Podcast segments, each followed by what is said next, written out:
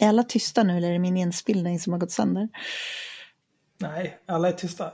Jag tänkte jag säger ingenting i början och ser hur lång tid det tar innan någon av er reagerar. Det tog 11 sekunder. Det är lite CP. Det här är det 76 avsnittet av Haveristerna. Avsnitt 1 av säsong 4. Jag heter Axel, vi heter Myra, Henrik heter Henrik och idag har vi nog förmodligen en ny vignett och kanske till och med en ny logga beroende på hur pass eh, kompetenta våra underleverantörer är till Haveristerna Media Group AB. Mm. Vi får se. Vinjetten, vinjetten är väl klar sedan länge. Den har vi sett och väntat på av helt sinnessjuk anledning. Vi ska ju tacka Dubmood. Eh, vi fick ju använda ett, eh, en bit av en Dubmood-låt eh, helt gratis under poddens första år. Och sen då när vi kände att vi kanske ska ha en ny vignett som är liksom specialgjord så var det klart att då ville vi ju betala Dubmood för att göra en som tack. Liksom. För att få något i lite samma stil. Så att vill man höra mer musik som är i den stilen som våra vignetter så kan man ju leta upp Dubmood. Han är väl länkad i, kanske inte i avsnittsbeskrivningen men... Jo då. Han är det, ja. Det finns en, äh, finns, har funnits en länk till hans bandcamp. Mm. Sen vi började använda ja, men då så. eh, Crackthroat till Settlers 7. Mm. I alla fall, eh, vi lyssnar på vignetten nu och ser vad det blev.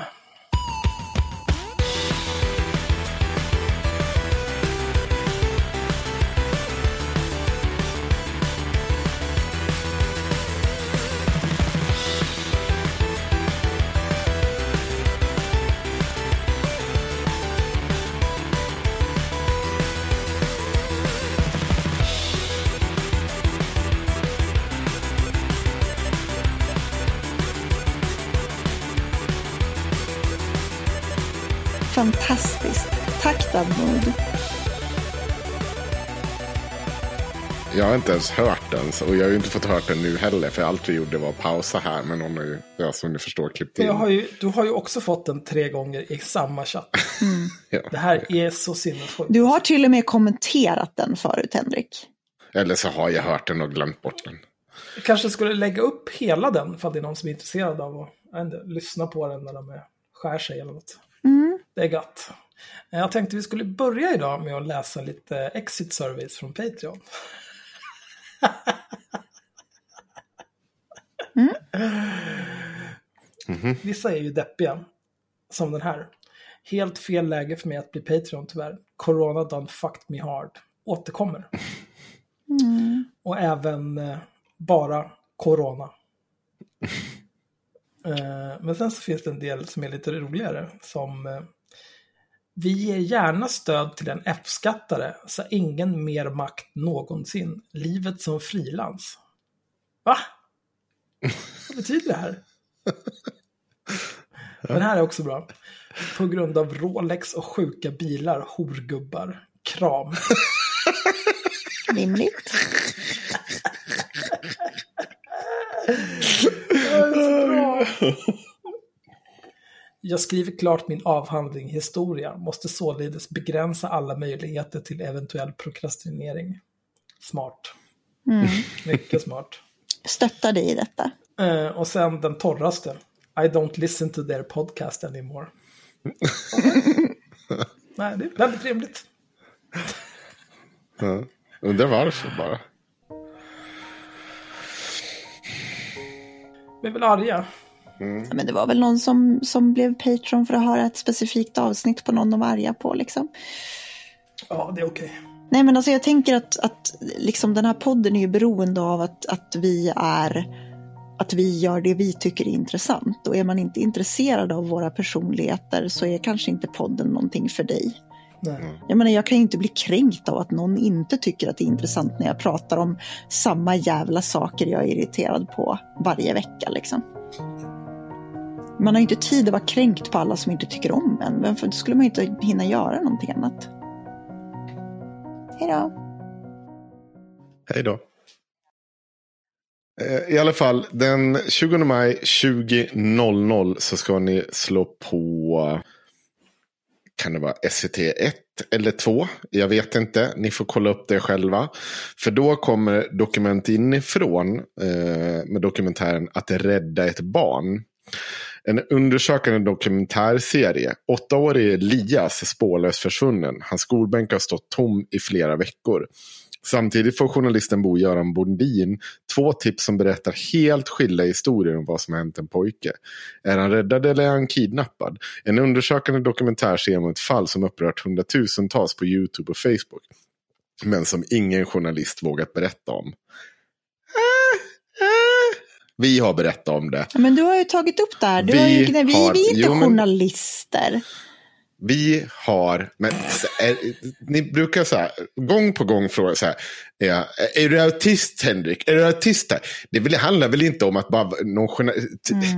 Vi har väl berättat den här historien. Vi har väl gjort ett ganska omfattande arbete kring den här historien. Ja. Som definitivt lår en journalistisk verkshöjd. Utan tvek. Vi har skickat ut utsända på en jävla fucking rättegång. Jag har grävt i varenda jävla vrå. För ganska precis ett år sedan va?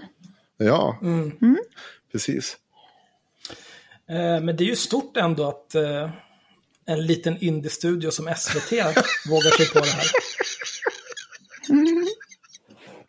Ja, i alla fall. ehm, jag tycker att man ska se det här. Jag tror att det här kommer bli en riktigt jävla bra serie. Jag kan säga att också att vi har material att följa upp som vi inte har gjort. Vi får väl se om det kommer ut en massa material här ur det som är tänkt att följa upp.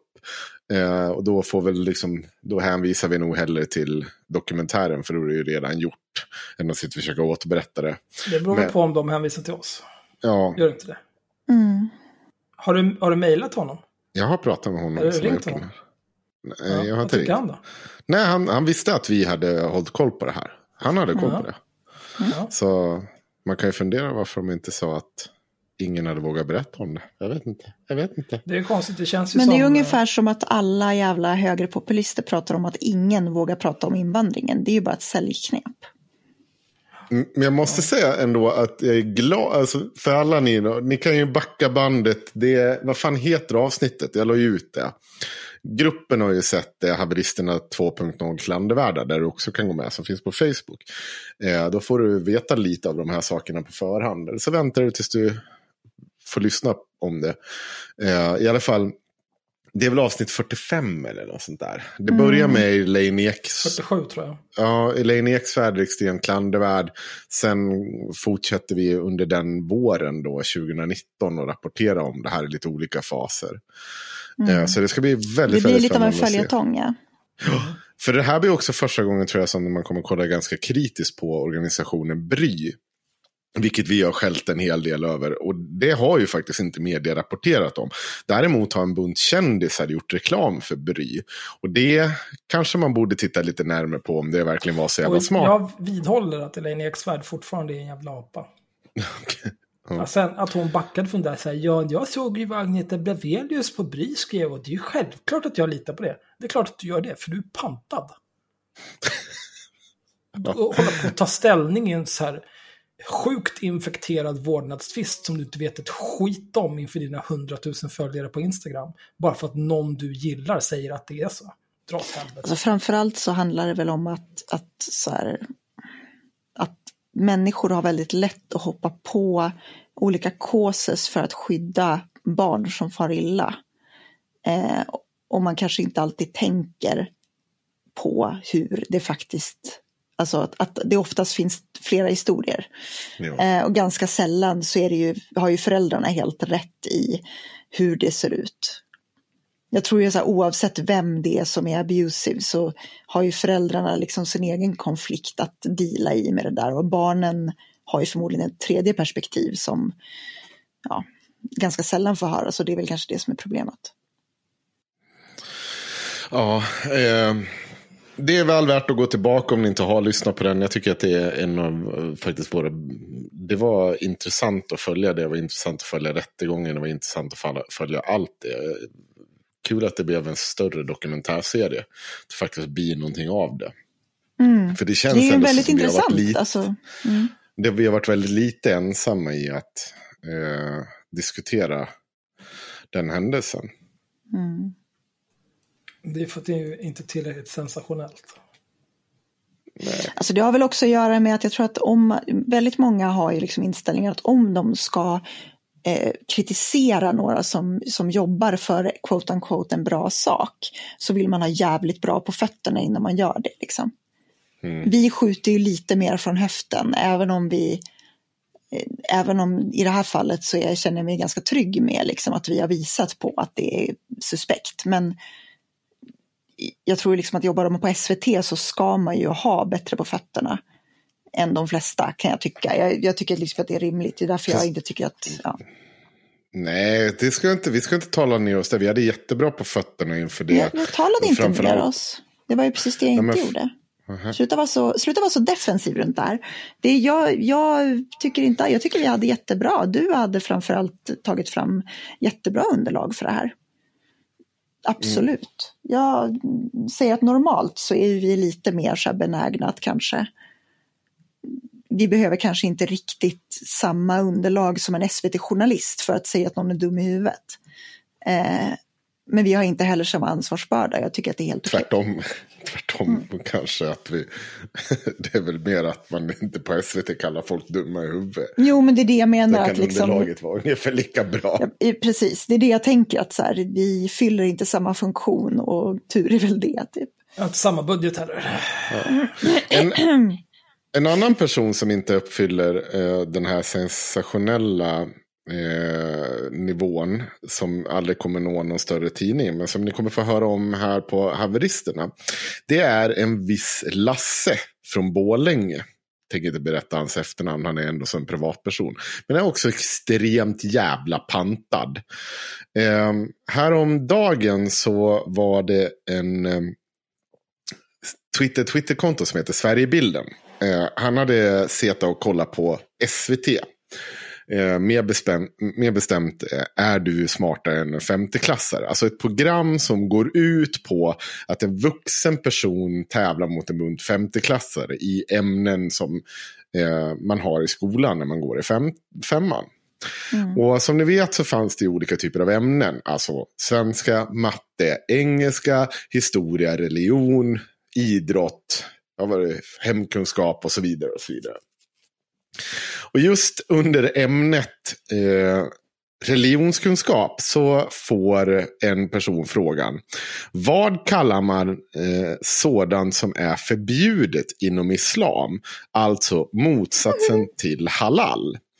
Och det här lägger Sverigebilden ut och skriver. Alldeles nyss på kanal 1, SVT, är du smartare än en femteklassare. Sverigebilden, Svepol, Migpol. Och då svarar Inger Karlqvist. Jo, jo, det gäller att undervisa dimmerna om den kommande sharia-lagen. Postat den 10 maj. Ja, nej, men alltså all religionskunskap ska ju inte få prata om andra religioner, för det är indoktrinering. Den ska bara prata om kristendomen. Mm. Jag skrev en tweet då och så skrev jag så här. Får, fråga om religion, eh, få frågan om religion i ämnet religionskunskap i frågesportprogrammet. Är du smartare än en femteklassare? Rasister? Jaha ja, där ser man hur muslimerna tar över. Eh, det här såg Lasse. Eh, Lasse från Borlänge. Han, han skickade en liten hälsning till mig här. Eh, några minuter senare. Din förmåga att relativisera ett fenomen är samma egenskap som ligger till grund för att utgången hos vissa inte slutade lyckligt. Säg till om du vill ha fler bilder. På den första bilden så sitter det två till synes kvinnor på ett gummidäck. De ser ut att bada. En med så här heltäckande vad heter det, hijab eller, eller med heltäckande slöja. En burka typ? Ja, inte en burka. Ni vet det här med svart skynke framför ansiktet. Men det är väl en burka? Nej, något det typ finns... av islamskt. Ja, något typ av islamskt. Niqab, Sen typ. så var det någon typ av ung tjej. Som mm. jag kan bara förmoda att det är någon som har råkat ut för någonting när en muslim har varit inblandad. Och på den tredje bilden så står det en kille med fingret i vädret med en, två, tre, fyra, fem, sex, sju, åtta avhuggna huvuden. Som man gör. Eh, ja. Mycket normalt. Ja, det som man gör. Jag, jag, jag, jag varit lite irriterad. Då skrev jag till honom, skickar du bilder till mig på avhuggna huvuden för att, för att någon fått frågan om, eh, frågan om religionskunskap? Hur jävla förstörd i skallen är du, ditt jävla genskräp till människa? Testa att göra något sånt där ute i verkligheten, så ska du se hur länge du får behålla näsben, näsan intakt. Oj. Och menar inte jag att nödvändigtvis jag skulle slå honom på näsan. Men jag skulle inte direkt bli förvånad om jag råkade sträcka ut min arm och den råkade träffa honom på näsan. Om han helt plötsligt ur ingenstans kommer upp och trycker upp en bild på avhuggna huvuden i mitt ansikte.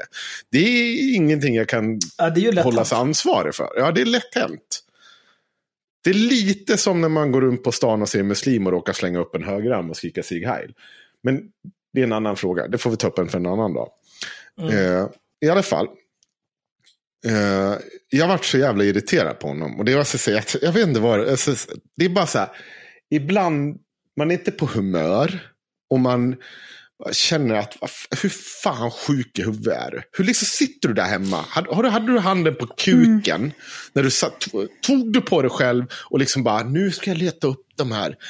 Liksom, alltså jag person... har också, jag, jag, jag, förstår vad du menar, alltså, jag vill bara så inflika, typ just det där att när man har hållit på och, och tjafsat med Sverigevänner under tillräckligt lång tid så att de har typ börjat så följa en, ha, så hatfölja en och ska komma in och så fort man skriver någonting ska de komma in och så här, säga någonting som har med invandringskritik att göra.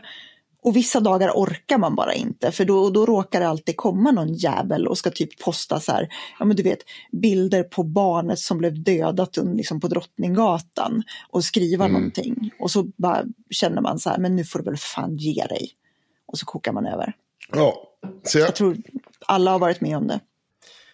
Ja, alltså dels, jag tror inte att han behövde leta upp de här bilderna. Han har nog en hel mapp på datorn full av sånt där. Eh, men det är också den här typen av människor som håller på sådär, det är ju de som eh, gladeligen gick islamisternas ärenden och spred eh, deras videor på mm. olika typer av halshuggningar och andra sjuka saker de gjorde. Och jag titta vad hemska de är. Typ Pontus Persson. Det, ja, för att de var pantade för att begripa att det var just det som var syftet. Mm. Och att de liksom inte har några spärrar i huvudet, att de inte begriper att man kanske inte postar en, en halshuggning publikt på Facebook. För att, ja, för att man är normal. Mm. Man, man, sitter liksom inte och runkar kuken i bitar till sånt där. För att man behöver inte spärras in. Ja, eller de som sa omedelbart, någon timme efter terrordådet på Drottninggatan började posta bilder på den lilla flickan liksom, som blev dödad.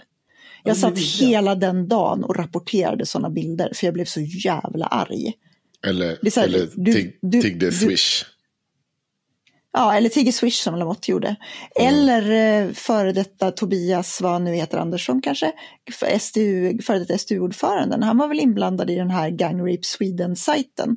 Där man la upp eh, bild och namn på svenska, quote unquote, alltså typ blonda kvinnor som hade våldtagits av invandrare.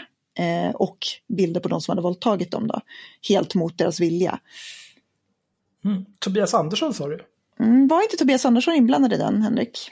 Mm, det var, jag tror att det, det, det, är någonting annat. Han, jag vet vad det är, någonting liknande. Du, jag tror bara att det inte är, det är inte Gang Rape Sweden tror jag.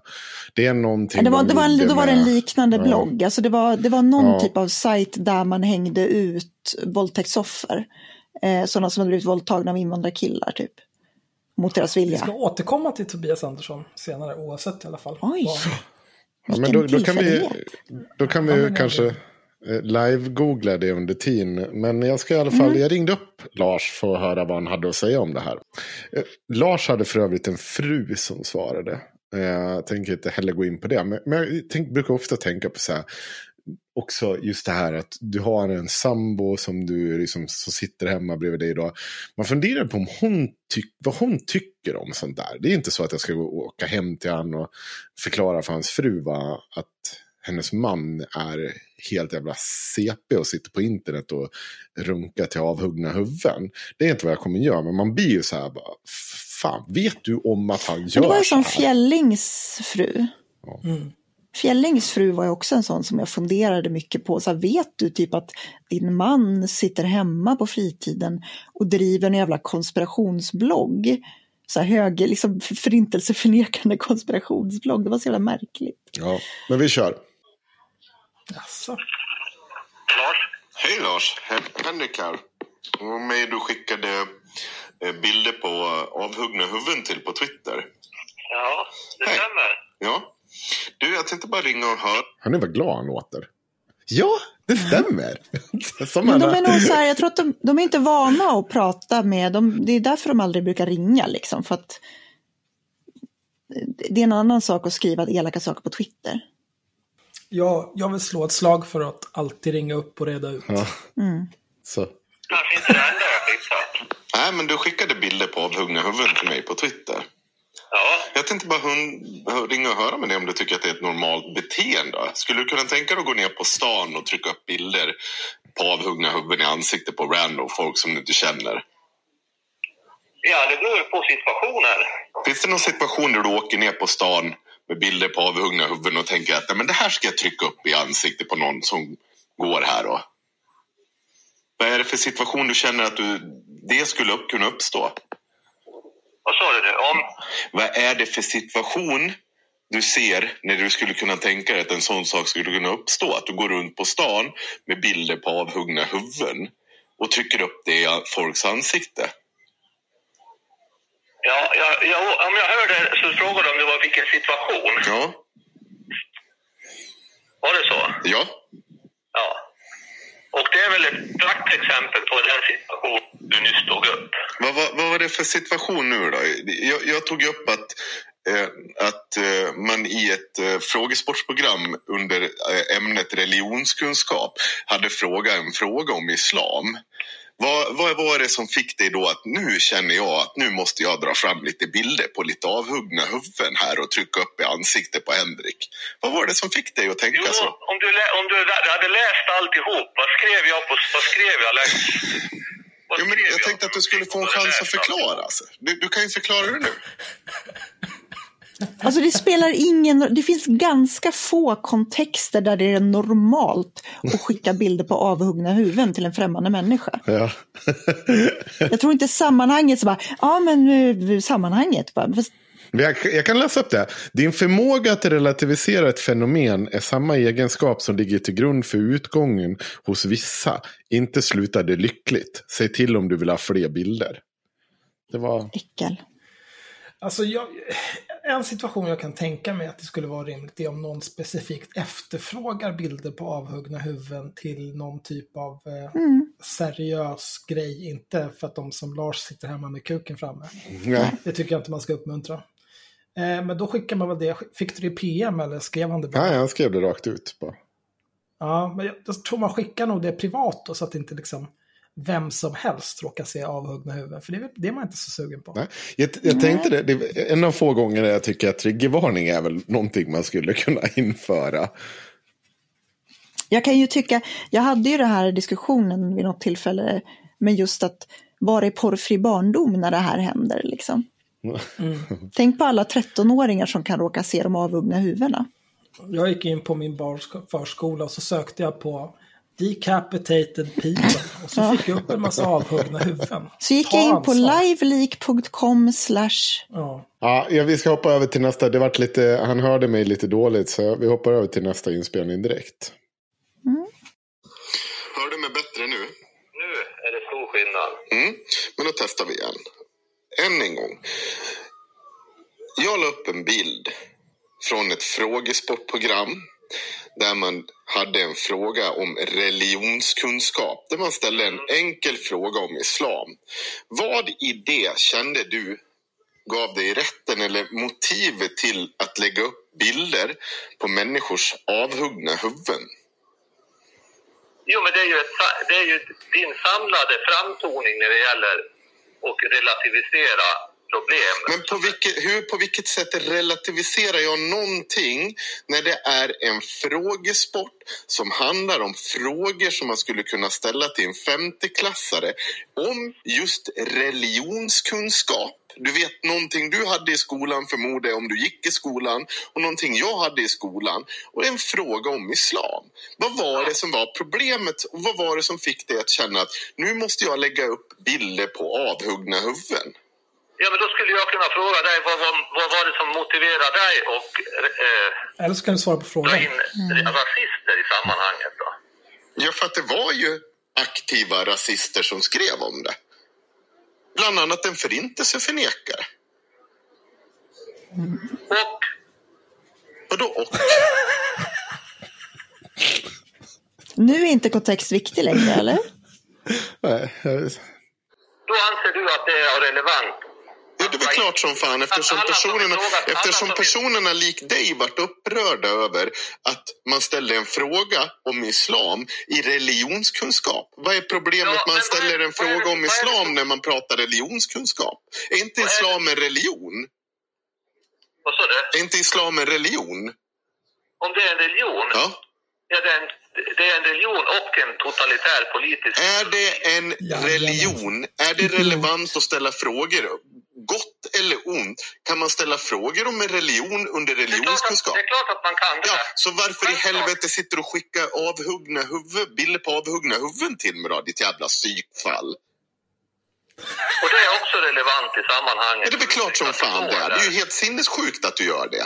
Vad är det för fel i huvudet på det? Fan vilket dalmål jag får på. Det har jag inte tänkt på. För det sitter man och pratar Men det är väl för att han är dal... Ja. Ja, precis. Ja. ja. Du försöker uttala honom. ja. Det är en dal-off. Ja. Ja, det är ju du som anser det. Jag, jag vet inte, jag tror inte att jag är ensam om att anse att det är helt sinnessjukt att en människa från ingenstans sitter och skickar bilder på avhuggna huvuden. Det skulle väl för fan kunna klassas som ett brott, ett, ett vandrande jävla mähä. Var det det enda jag skickade? Det spelar väl ingen roll, vad fan, du har ju det skickat bilder på avhuggna huvuden. Det Det gör väl ingenting bättre att du har skickat någonting annat också. Det gör du ju inte det det? mindre efterbliven. Skicka med saker. Ja. Jaha. Ja. Mm. Det måste... Ja. Som sagt, kontexten är ju inte viktig i det här fallet. Nej, den är inte. Var det det enda jag skickade? Det, det, nej, det var det inte. Men det, det förändrar ingenting. Det förändrar inte det faktum Och vad är att du det som skickar bilder på avhuggna det huvuden. som. Vad är det för jävla respekt för de människorna som har drabbats där? För deras familjer? Varför skiter du i det? Du gör det eller? Varför gör du det? Det där tänkte jag också på. att så här, du vet, det, det är som du sa tidigare, tror jag det var Axel som sa det här. Att nej, men, det- det är någon av oss sa skiter samma vem. Men det här totalt, de är inte intresserade av de som sitter där på Påla, som är uppålade där av I- IS. Den där, det där är ju bara blattar ändå. De där hade de dykt upp här i Sverige så hade ju de varit äckel och IS de också. Det spelar ingen roll att det är sånt liksom, folk Nej, nej. Men, men det är det jag har det är det jag Mm. har pratat skitmycket om, hur man använder utsatta människor som slagträ. Liksom. Där, de gör ju exakt samma sak med typ våldtagna kvinnor. Mm. Där det är så här, ah, kolla här de stackars våldtagna kvinnorna, vi måste skydda dem. Och så säger de våldtagna kvinnorna, jag hittade det det gällde för övrigt. Men eh, så säger de bara, fast jag vill inte att ni lägger ut min bild och min liksom, historia. Det är, jag vill inte att ni gör det. Och då är det så här, ja men då kan du dra åt helvete, en jävla hora typ. alltså, det är så här, det är så uppenbart äckligt. Ja. Mm. Mm, skulle du säga något Axel? Nej. Nej. Nej, vad finns det att säga? Det är, det är bara bunta ihop och kasta in i solen. Mm. Kör vi klart Daloff. Ja. Om jag gör det? Ja, det är väl uppenbart att du gör. Ja, det, du anser det, men jag anser inte det. Jag anser Nej, att så det du, du, du tror att de här människornas familj uppskattar att en random övre medelålders man i Bålänge sitter och skickar bilder på deras döda familj till olika Ja, det, personer det på skulle nog internet. inte fråga mig om. Det skulle nog, den frågan skulle nog ställa dem. Ja, men tycker du att det är normalt? Hade du uppskattat om någon i din familj hade blivit, fått sitt huvud av huvudet? Att det satt en jävla fyllo på andra sidan jorden och la ut de här bilderna i helt sinnessjuka sammanhang? Vad fan, har du inte Det vett du nog att det tänka du själv eller? Det är ju du anser det. Jag anser inte det. Nej, jo, ja, det har jag ju uppenbart. Det är ganska vad är det uppenbart att du inte Vad fattar är det det. som får och, eh, anta att alla som ifrågasätter islams utbredning. Fast det är ingen som, det, det har väl inte varit på diskussion. Det enda som... Det har det nej, det har det absolut inte. Det vi la upp var en bild där en person som hade tagit en bild på en fråga om religionskunskap. Och det Ja, och sitter när en bunt rasister och påstår att muslimerna håller på att ta över Sverige. Är du helt jävla tappad i hela jävla front... Ah, det är... Fan, vad hände? Vad, vad var det för någonting i er uppväxt? Liksom 50-årsåldern med? Vad, vad, vad, var skolan trasig under er period? Vad är det som gjorde att du blev så här jävla tappad? Vill jag ska svara på det eller? Ja, jag- jag skulle jättegärna vilja veta. För det är inte, jag tror inte att du skulle tordas gå ner på stan i Borlänge med bilder på avhuggna huvuden och springa runt och trycka upp det i ansiktet på folk. Din dumma fan. Nej, jag lackar. Det var slut. La du på? Ja. Jag tror, jag, tror inte att vi hade fått, jag tror inte vi hade fått något bättre svar efter det där. Nej. Nej, men han var ju osedvanligt korkad. Men det där är... Men det är den där avtrubbningen, alltså det är så här boomers som inte fattar internet och tycker, jag har ju haft exakt den här diskussionen typ med några, eh, några som har liksom kommit in, till exempel så eh, kontaktade jag en av dem när Lamotte la ut eh, och skrev skit om mig. Så var det en person som började säga så här, jag hoppas att hon själv blir våldtagen, bla bla bla bla bla. Eh, och jag pratade med en sån person av typ 50 stycken och frågade så här, men hur tänker du när du sitter och skriver så här om en annan människa? Vad är det för fel på dig? Och de blir ju så här, nej men vadå, det fanns ju en kontext. De fattar liksom inte att det här, det här är samma sak som att du skulle sitta i fikarummet på jobbet och säga det om någon. Skulle du inte vilja säga det i fikarummet på jobbet, säg det inte på Facebook eller Twitter, din jävla idiot. Nej. Han... Ja, vad sa du, Axel? Nej, nej. det är det. Han har ju, nej. han, eh, efter mitt samtal så, eh, så skulle, gick han ju, tog han ju bort tweeten faktiskt. Men han la tillbaka den lika fort och eh, hade då blurrat ansiktena. Säger han. han s- ja, vänta, vänta. Nu har jag blurrat delar av bilden. Naturligtvis skulle jag ha gjort det från början av respekt mot anhöriga. Det var illa genomtänkt. Och jag ber om ursäkt för, om, inför Oj. dem. För din del Henrik väntar, väntar däremot ingen ursäkt. I synnerhet inte efter ditt uppträdande mot mig i telefonen. Eh, tre av huvudena är, eh, han har ju använt mobilen, så har han använt så här svart färg. Så man kan, han, han har inte kollat att det vart svart nog, så man kan ju identifiera tre personer fortfarande. Jävla skåp. Men det är ju ändå ett steg i rätt riktning. Ja, han, Ja. Du, du får ju tänka liksom att... bevisligen insåg, för han tog ju din poäng. Det tänker jag ändå så här, du gjorde ändå någon typ av nytta där. Ja. Och det här är ju en människa som liksom har mer i skostorlek än IQ. Så det är ju inte... kan ju inte begära för mycket. Nej. Nej, jag får väl se det som ett litet steg på vägen mot att reda ut vad som gick snett i skolan mellan åren 1965 och 1970 här i Dalarna. För någonting är det ju något. Nej, men jag, tror att det har, jag tror att det har helt att göra med internet. Alltså att man, att, att man inte fattar. Man förstår inte, man förstår inte det faktum att, att liksom internet, du når riktiga människor. Mm. Man pratar så mycket om att barn mobbar varandra på internet, men alltså människor i typ 50 plus års åldern är ju de som är värsta mobbare på internet. De är ju fullständigt vidriga. Det är som att de tror att de sitter och liksom pratar med en, liksom en fantasimänniska, ofta. Jo, men det, det har väl också lite grann... Jag är ju inte boomerist, men... Eh, jag vet, det, det, är ju, det är ju inga bra människor från början. Alltså. Nej. Nej, jag tror att det finns, det är någonting i Det där borde man, det är ju någon... Ja, men är det inte skolan så är det ju för lite stryk hemma vid. Det är ju någon, något av det där är det ju. För mycket eller för lite? Ja, för Ja, men någon typ av lite. empatilöshet är det väl, alltså så här, brist på social skolning. Ja. När man tror att det är okej att sitta och dumpa. Alltså det finns ju så här empatilösa tonårstroll från 4chan som tycker sånt där är skitkul. För att de, men då, till och med de vet ju att det är provocerande och fel att göra det och det är därför de gör det.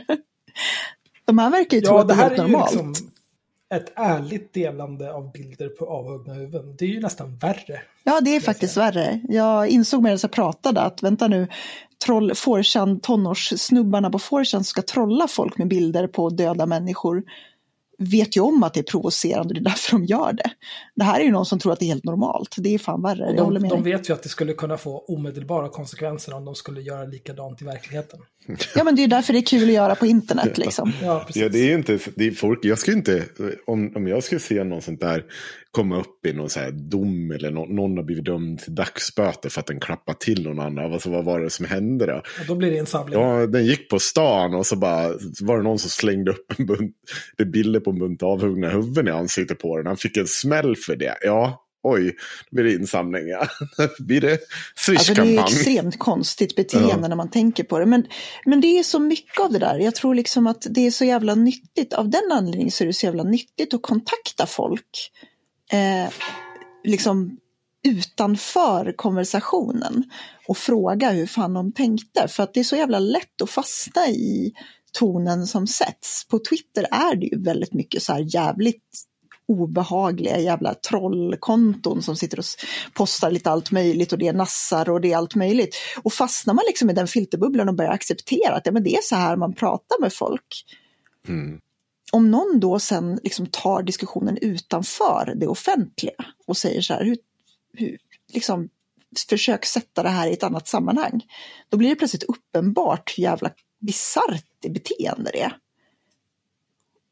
många av de där faller ju liksom över på en gång när man påpekar det. Så är det. Vad var det den där Tobias Andersson hade varit insyltad i då? Ja, så här var det ju. Eh, jag vet inte fortfarande inte vilken sajt det var, eller det kan jag förmodligen gå fram, men jag hittade till och med en artikel som Henrik har skrivit på Inte rasist män. Eh, det var ju Findel Madison som var då ledamot i eh, verkställande utskottet. Fin- den? Findel Madison. Jag vet, det är ett riktigt Va? namn. Nej, jag vet. Nej. Det, ja. eh, men, men Tobias Andersson gick ut och försvarade det och tyckte att det här var helt i linje med det som eh, SDU skulle syssla med.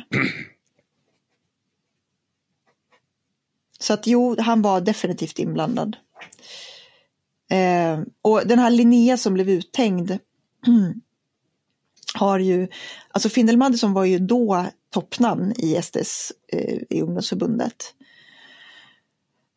Och eh, den här, en av de här offren gick ut och sa ta bort det här, ja, ni, ni liksom, det här är som att bli våldtagen en gång till. Liksom. Det här är som ett till övergrepp. Eh, och eh, sen så frågar ju då, de frågar ju då Tobias Andersson, tycker du att det här är okej? Och han säger, ja det här är helt i linje med den, den, den politik vi för. Ja, men då, det är ju bra att vi kan eh, redan innan vi går in i den här texten konstatera att Tobias Andersson är eh, vad vi i branschen brukar kalla för en horunge. Mm. Vi ska nu läsa en eh, text publicerad mycket passande i Horungeposten. Mhm. Eh, Eh, den är signerad Tobias Andersson som är nationell talesperson för Ungsvenskarna, Sverigedemokraternas ungdomsförbund. Emil Eneblad som är rättspolitisk talesperson för Ungsvenskarna och Felix Byström som är migrations och integrationspolitisk talesperson för Ungsvenskarna. De har skrivit eh, eh, riktigt korkad grejer. För det börjar med, överst är ju tre bilder här på de här tre personerna och de är ju Mm. att de är söta som socker alltså. Alltså det är, det är tre, tre unga killar, alla blonda med backslick. De ser ut som så här children of the corn, helt döda bakom ögonen. Ja, det är liksom, det är Draco Malfoys misslyckade Japp. kusiner. Exakt så. Draco är i alla fall rik. Han, han är ju magiker framför allt. Det är, Ja, fast... Eh. Mm. Är han det? I alla fall, de har skrivit här om att de vill kriminalisera deltagande i AFA. Under helgen skedde ytterligare en attack mot demokratin från den vänsterextrema organisationen AFA som påstår sig vilja bekämpa fascism. Från många politiska håll kom fördömanden, men det räcker inte. Det som behövs är ett förbud mot att delta i våldsbejakande organisationer, skriver Tobias Andersson, Ungsvenskarna. Denna gång var det finansregionrådet i Stockholm som drabbades av ett så kallat hembesök, där boendet vandaliserades med klotter där det stod avgå.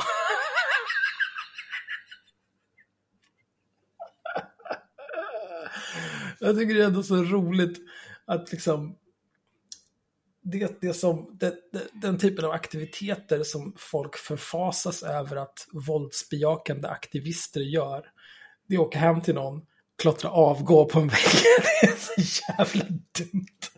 Ja, det är väl ganska harmlöst våldsvänstrande kan jag också tycka. Det, Ja, Alltså jag, jag, också- jag, jag står inte bakom det på något sätt, men jag kan också tycka så här, det är klotter. Liksom. Ja, Ja, alltså jag kan säga så här om, om eh, jag, jag tycker överlag åka hem till folk, det tycker jag, där, där, där, då har man Precis. en gräns. Alltså, när man är hemma då vill man vara i fred. Det är lite av en så här makt, du vet. Jag vet var Vi din vet brevlåda bor. bor. Ja. Eh, och Mm. det tycker jag är, nej. Men klottrandet i sig, Det Ja. skulle ju vara en sak om de personerna som gjorde det här var öppna med vilka de var. Att de står för det, mer än att de så här twittrar. Nej, vad vi, vi är coola. Nej. För det är inte så jävla coolt. Men eh, det är ju Irene Svenonius, heter hon va? mm, Hon borde inte bara avgå, hon borde få sparken, hon borde åtalas. Men det är en annan sak. En grov kränkning av den privata sfären, men dessvärre varken första eller sista gången som vänsterextremister försöker tysta sina meningsmotståndare med våld eller hot om våld. Det har varit ett stående inslag i den politiska vardagen. En organisation som systematiskt använder våld för att uppnå politiska mål borde rimligtvis stöta på hårt motstånd från hela samhället. AFA har dessvärre gott om vänner och försvarare även bland de etablerade partierna som konsekvent relativiserar och normaliserar våldsutövningen. När, när pratade någon från något parti som spelar roll senast om AFA? det de bygger hela det här på det är ju att det finns en bild från valrörelsen 2018 där, eh, där typ Jonas Sjöstedt från Vänsterpartiet står och poserar för en bild och så är det någon, någon på den bilden som har en AFA-tröja på sig. Det är typ det Mm. som är hela deras... Men det var ju samma sak som det när det här hände, eh, när de var där och skrev avgå på väggen. När Rickard Herrey spårade ur på Twitter. Och bara ta avstånd, ta avstånd, ta avstånd. Han refererade ju också till det där. Mm. Och det är liksom, det är ju avklarat. Han har ju de, de tagit löste ju det där och då. Jag vet inte. Vem bryr sig? Ja, men det är väl lite grann som att alla, alla SD-toppar som har stått och kramats med bilder på eh, snubbar som har så här Ku Klux Klan-tröjor och allt vad det är. Eller festat på samma camp som folk som har ett festivalcamp som heter Camp Auschwitz och så vidare. Alltså det är så här, Ja, eller Björn Söder som står och är skitglad bredvid en tvättäkta nazist och så vidare. Ja, och så vidare. gammal SS-veteran. Det är fint. Nu behöver inte läsa hela den här egentligen, för att det är egentligen ganska ointressant. De, de säger ingenting spännande. Men de har fyra punkter. Eh, det kan nämnas i och för sig, eh, det här, det spelar ingen roll om det är vänsterextremist, högerextremist eller islamist som med våld försöker tysta motståndare. Bla, bla, bla, bla, bla, bla, bla. Då vill de ha lagstiftning som riktar sig mot det antidemokratiska agerandet utan att göra skillnad på vilken ideologi personen bekänner sig till. Första punkten då är inför en nationell handlingsplan mot extremism.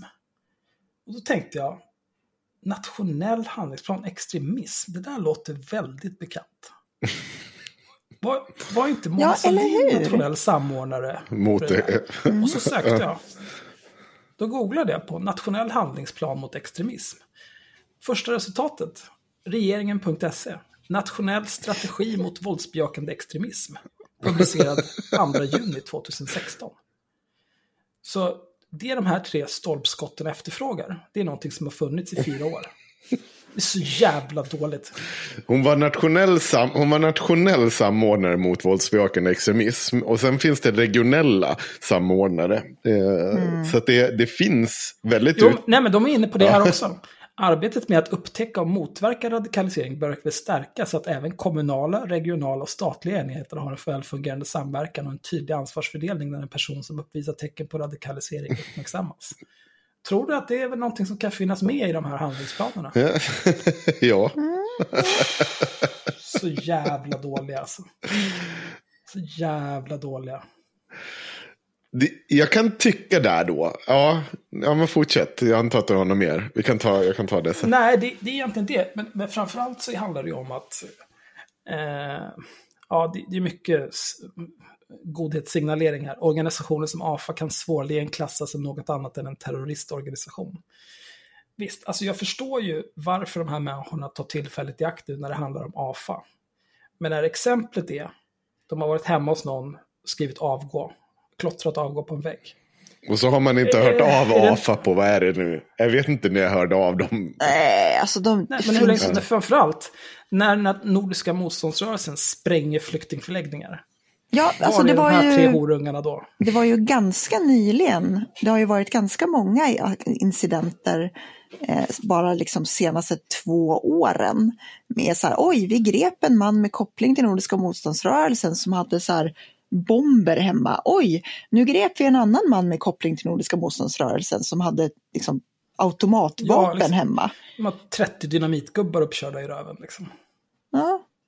Men enda anledningen till att de går ut och gör det här det är ju för att dels för att de vill bärsa Vänsterpartiet men det är också därför att eh, NMR har ju börjat tycka illa om SD nu. Alltså den extrema extremhögern tycker att SD har blivit för sossiga och börjat snacka skit om dem så nu har de ju råd att gå ut och göra det här. De hade ju inte gjort det för fem år sedan. Liksom. Nej. Överhuvudtaget. Då ville de ju ha deras stöd. Eh. De har kanske insett att den extrema extremhögern, det är 50 pers.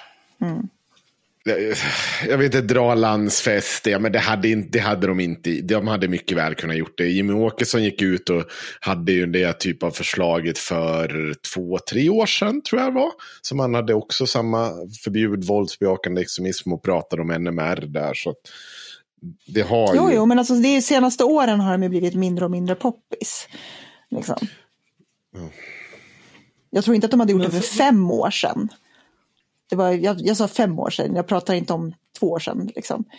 Eh, den, här, den här att de börjar fjärma sig, alltså, ta avstånd för det. Jag kommer fortfarande ihåg när Nordfront första gången gick ut och kallade Jimmy Åkesson för folkförrädare. Det är väl typ två år sedan eller någonting. Det var väl nej, efter det där. Det, det, oh, jo. Nej. ni, ni, kan ju live-googla ja. det. Men eh, det är också det här, det tyder ju på att eh, alltså, dels det här att de inte känner till den här nationella strategin mot våldsbejakande extremism. När de lägger ett i princip identiskt förslag fyra år senare. Det, det tyder på grav inkompetens. Men sen är det också, eh, som jag förstår det så, man vill liksom inte förbjuda den här typen av organisationer i Sverige. För det gör bara att de sluter sig ännu mer och blir svårare att hålla koll på. Det är bara plakatpolitik liksom. Ja. Pos positionering. Och, och, då undrar man ju också, eh, Horungeposten där det här är publicerat. Varför publicerar de den här skiten? Ja. Alltså därför att det här är ett, alltså Tobias Andersson är ju numera riksdagsman liksom. Jag vet inte, de kan väl inte direkt... Nej men de kan väl säga så här, det här är för jävla dåligt. Men det gör de inte, om det kan få klick, det är väl det. Jo, men man har väl någon typ av jag vet inte, journalistisk integritet? Eller? Jag vet inte. Nej. Till och med på Horungeposten borde det finnas. Nej. Okej, okay, men då skiter vi i det. Debattartiklar behöver de inte ta ansvar för överhuvudtaget. Det var väl, vad var det de hade publicerat på DN som DN fick skit för? Det var ju också något sånt där, någon som sitter och typ förintelseförnekar på debattsidorna på DN och folk bara, eh, varför släpper ni fram det här? Jag kan tycka att det tänkte jag på att Expressen kanske skulle ha tänkt så här, bara, men vänta, finns inte här? Alltså så här, bolla tillbaka, alltså det här finns ju, det ska ni... Det, det är inte skriva. Expressen. Nej, vilken var det? Horungsposten. V vad är det då? Göteborgsposten. Jaha, Göteborg. Har du, har du glömt blodshämnden? Ja, förlåt. Ja. Ja, okej. Okay. Men man kan ju tycka att de då hade, borde ha bara, nej men vänta, det här finns i det. Fast det, det, man ska ju inte lägga sig i det som, det, det, kan ju också bli jävligt roligt om man... Det blir ja, det som, får de ju att framstå som idioter. Ja, ingen stoppade ju SD för att lägga fram i Skåne för att lägga fram budget för, eller nej, Luleå för att lägga fram en budget för småländska landsbygden. Copy-pastad ja. Ja, fan, eller fan det var vice versa. Men det, ja, det kan ju bli ganska roligt. Så jag vet inte. Ja, men då krävs det ju att någon eh, ger en replik och sågar mm. dem. Det kommer inte bli jag. Nej, nej. Så någon av våra lyssnare får ta ansvar för det här. Okej. Okay. Ja, nej, det, jag tycker att vi gör det bra här nog. Det, det duger. Mm. Det här är vår replik. Ja. Eh, man skulle nästan kunna copy-pasta den repliken vi gav till vad fan hon nu heter. Skitsamma, jag orkar inte ens. Nu känner jag vreden börjar komma här. Mm. Jag sitter och tittar på Nordfront nu. Eh, alla deras artiklar om Jimmy Åkesson. I början är det ju väldigt positivt, det är allmänheten och större förtroende för Jimmy Åkesson än statsministern och så håller det på sådär fram till 2017. Eh, ja, det börjar väl någonstans när han sparkar ut Anna Hagvall. Eh, jag har inte detaljläst det, men 2016 när han sparkar ut Anna Hagvall ur partiet eh, så tror jag liksom att det, det börjar vända lite grann. I veckan innan så länkar de Jimmy Åkessons band Bedårande barn och säger att det är veckans låt, deras Ung och stolt. Så där är det ju fortfarande fanboying. Sen så, sen så börjar det liksom, han kastar ut Anna Hagvall då blir nästa artikel Jimmy Åkesson skräms efter presidentvalet. Man försökte ansätta Jimmy Åkesson på bögklubb. SD är beredda att stötta M-regering utan att förhandla om budgeten. Här är det ju en tydlig kovändning. Och sen så blir det SD-möte inställt på grund av våldsvänstern, bla bla bla bla bla. Och sen så skriver de om när 2017 eh, slut på 2017 när Jimmy Åkesson säger att det var sorgligt att motståndsrörelsen och eh, vänster, våldsvänstern demonstrerade i Göteborg. Eh, och sen blir det bara liksom mer och mer kritiskt efter det. Jag tror att du ska nog titta lite på vad du söker på. Om du kollar på Sverigedemokraterna och sionism på, rot, eh, på Nordfront. Så kommer du få en helt annan bild av hur de var. Alltså det, det beror ju på. Jag har inget problem med att du, hittar liksom positiva artiklar till liksom, eh, eh kring Jimmie Åkesson och sånt. Men, men man ser ju på partiet som ett sionistiskt parti bland annat. Eh, mm. Eh, och det är ju inget konstigt när, om, om Sverigedemokraterna sitter och hyllar Israel och har så gjort så sedan ja, långt absolut. innan inträdet. De, de tycker att de är alldeles för Israelvänliga. Men de har ju också varit det minst dåliga alternativet fram till typ AFS.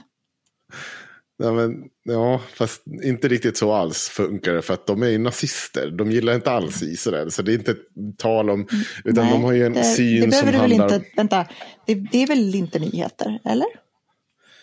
Nej, men ja, okej. Okay. Skit, skit är samma. Det, det är vad det är. Um, de... Anna Hagvall, var inte det hon som, som tyckte att om man som kvinna blir misshandlad i sin relation så ska man se till sin egen roll i det? Bland annat. Jo. Det var också hon som var kreationist och tyckte att vi typ eh, tyckte att man inte skulle lära ut darwinism och grejer. Alltså, Nej, det var jo. vice Eller nej, var det den andra kvinnan? Julia som Kronlid. Också, Julia Kronlid, Julia Kronlid. precis, tack. Mm. Ja, Anna Hagvall var hon med misshandeln, ja. Mm. Fabulöst. Uh, Hagvall hade lite andra kontroverser innan det. Jag kommer inte ihåg vad det var. Men uh, hon ja, är från Rättvik i alla fall. Och sen bjöd hon ju in. Uh, hon är från Ungern. Ja, hon bjöd in. Ja, bjöd in massa jävla dårar till riksdagen. Och då var ju NMR på plats också. Mm. Perfekt. Toppen. Ja, det är terroristerna nere i källaren och har föredrag med den här riksdagsledamoten. Det här kan ju inte sluta dåligt. Eller? Nej. Eller? Nej, nej. nej. alltså jag har inte, när man inte har liksom jobbat med SD och så här på, på vadå, jag har inte hållit på med SD liksom så här i detalj på två år. Allting bara flyter ihop till en jävla sörja av skandaler efter ett tag. För alla har ju hållit på med sådana konstiga prylar. Mm. Världens bästa parti. De är hjältar. Mm. Sveriges räddning.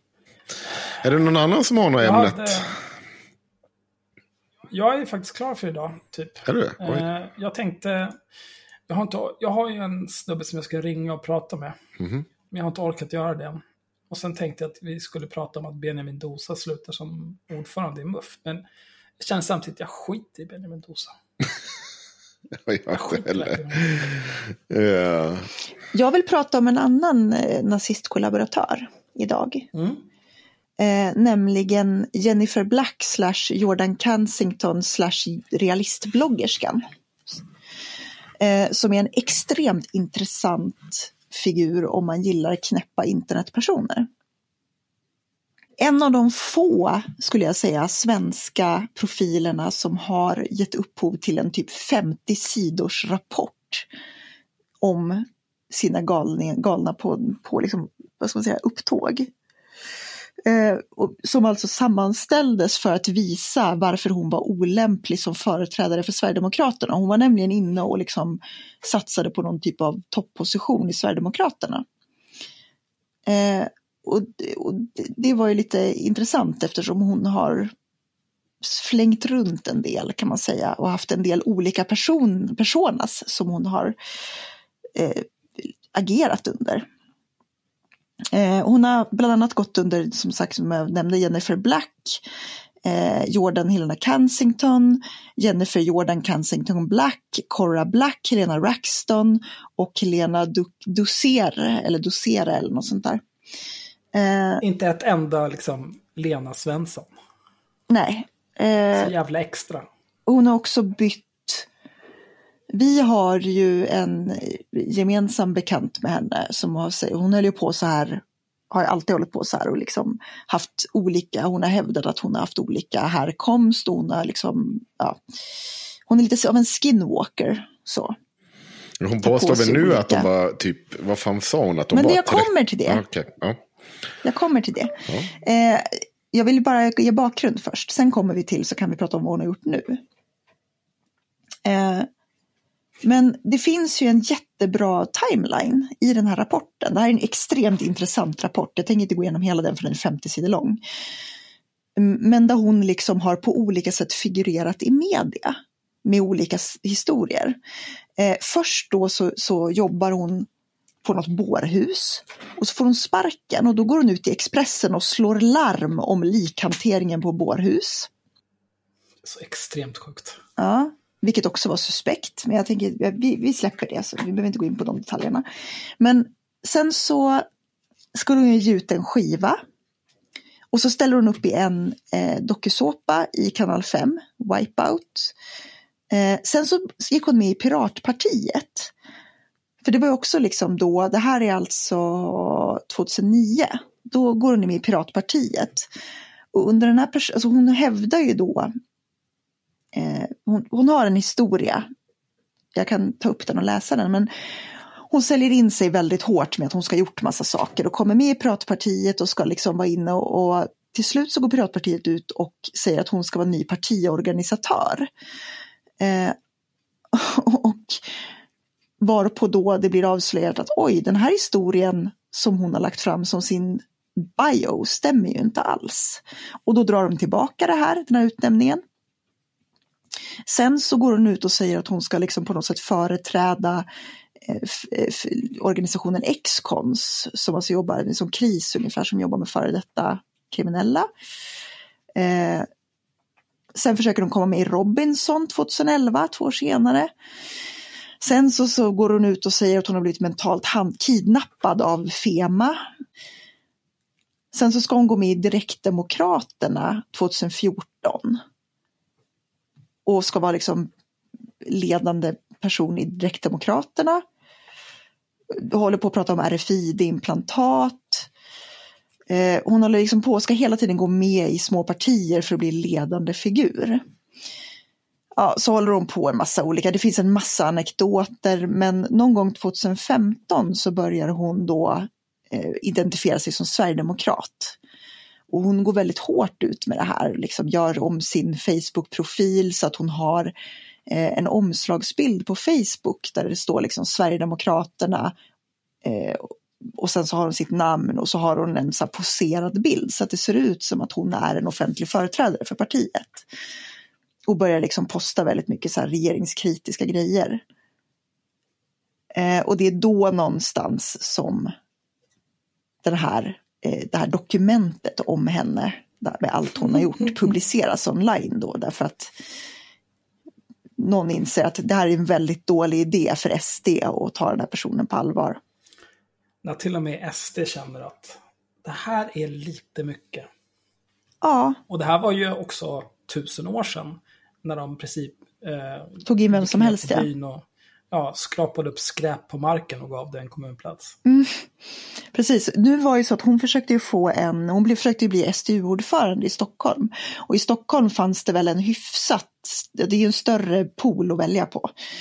Eh. Oj, en 88 en glasspinne. Nej, kom, här får du en plats i kommunfullmäktige.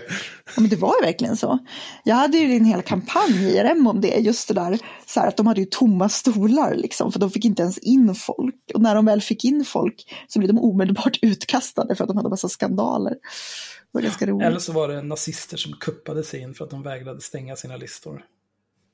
Men det här är väldigt intressant och det senaste nu då är ju att hon dyker ja, upp. Det, det, lite, det händer faktiskt lite mer däremellan. Hon, hon vart ju tillsammans med den här uh, ja. Bulan eh, från ja, Soldiers of Od, Odin. Och liksom hängde med honom länge när han sprang runt på stan och eh, liksom som 45-åring och skulle lajva någon slags medborgargarde. Bulan är alltså en man som har ett, ett skägg, ett flätat skägg. Mm. Jag tror inte vi behöver säga mer så. Eh, men, men ja, det, precis, du har rätt. Beshir Abani, det var ja, nog den senaste stora. Mm. Beshir Abani dör ju och då börjar de ju påstå att det var Robert Aschberg som eh, förgiftade honom. Skickas till Hjärtfelsskolan. Ja, ja, när han egentligen knarkade ihjäl sig. Eh, och eh, då, eh, några veckor efter det skedde, då lägger ju hon in sig på man hade ju kunnat hoppas psyke, men nu vart det ju inte så. Utan hon gick ju, la ju in sig på sjukhus och påstod att mm. nu hade hon också fått någon typ av hjärtfel. Ja. Och, och, det misstänktes då vara också typ Robert Aschberg med flera som skulle ha försökt mörda henne. Den här otroligt ja. framstående och eh, totalt menlösa karaktären. No-name-bloggare. Ja. Den, ja, den tar alltså vi. Hon har ju liksom figurerat i media i massa olika ja, hon har olika personas, olika politiker, hon försöker ta sig in i olika partier, ja. ska liksom oh. göra sig känd, vara med i olika dokusåpor. Hon påminner mig väldigt, väldigt mycket om eh, mördaren, vad fan heter han? Han som, han, han som också, han som till slut styckade en person och la upp det på internet för att bli känd. Oj. Oj, han, okay, han, han mår inte bra. Nej, men han gjorde exakt det här. Är det Lasse i Borlänge? Nej, det här är, vad fan heter han? Jag, jag, är, jag har druckit lite för mycket öl idag. Men eh, det är en, en man som, en kanadensisk, kanadensisk man som, han var också så här, han sökte till jättemånga olika dokusåpor och fick nobben från alla därför att alla tyckte att han var obehaglig liksom han är verkligen obehaglig. Vi kan prata om honom en annan gång. Så kan vi spela upp lite jag, jag, jag, känner inte att vi behöver make a point.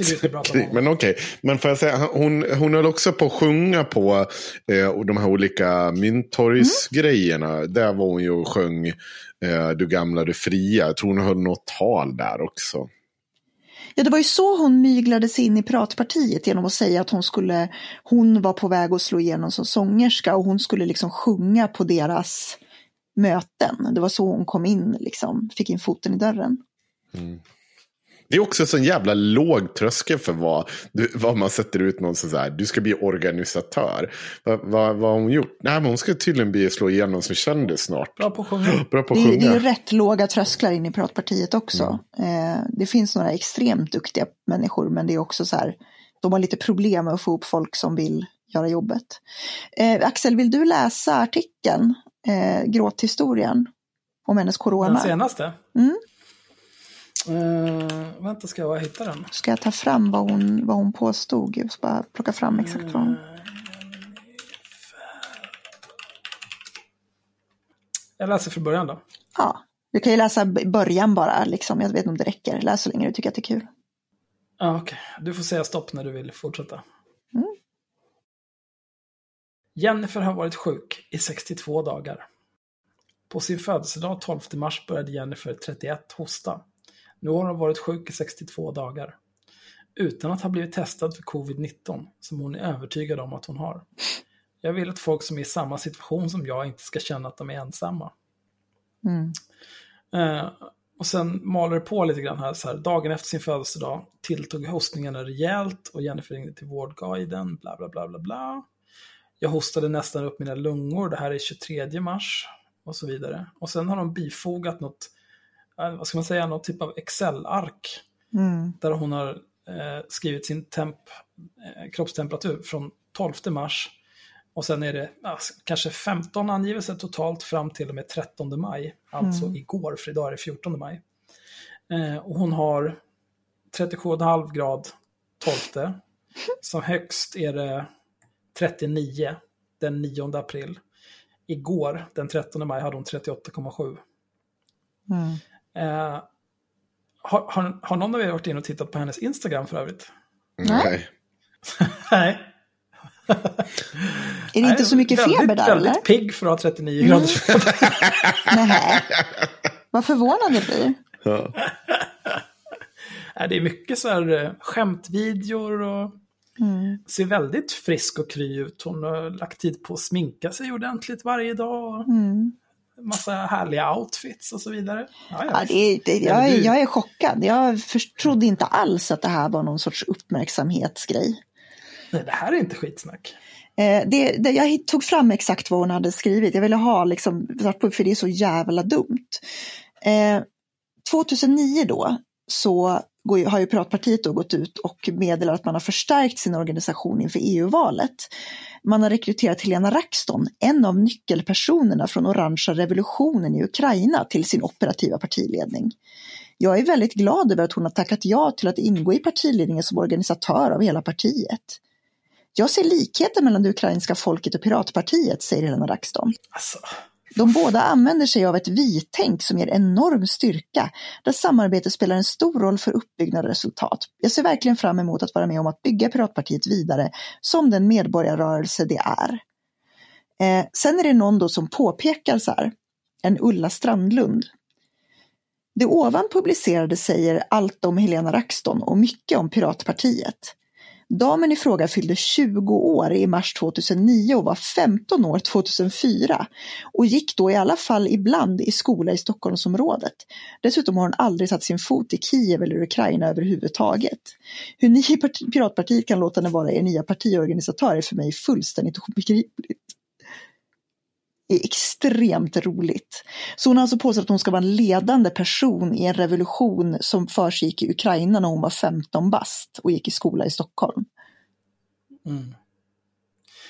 Bara som eh, en passus här. Varför, varför är det intressant att prata om den här människan utöver att det är liksom eh, någon som har varit insyltad i olika typer av partier och som är en total galning. Det är att det här är också en människa som är en, en cancerböld på samhället. Eh, men så kom en ny smäll, den första av många som skulle följa. 23 mars var hostan tillbaka med full kraft. Jag hostade nästan upp mina lungor.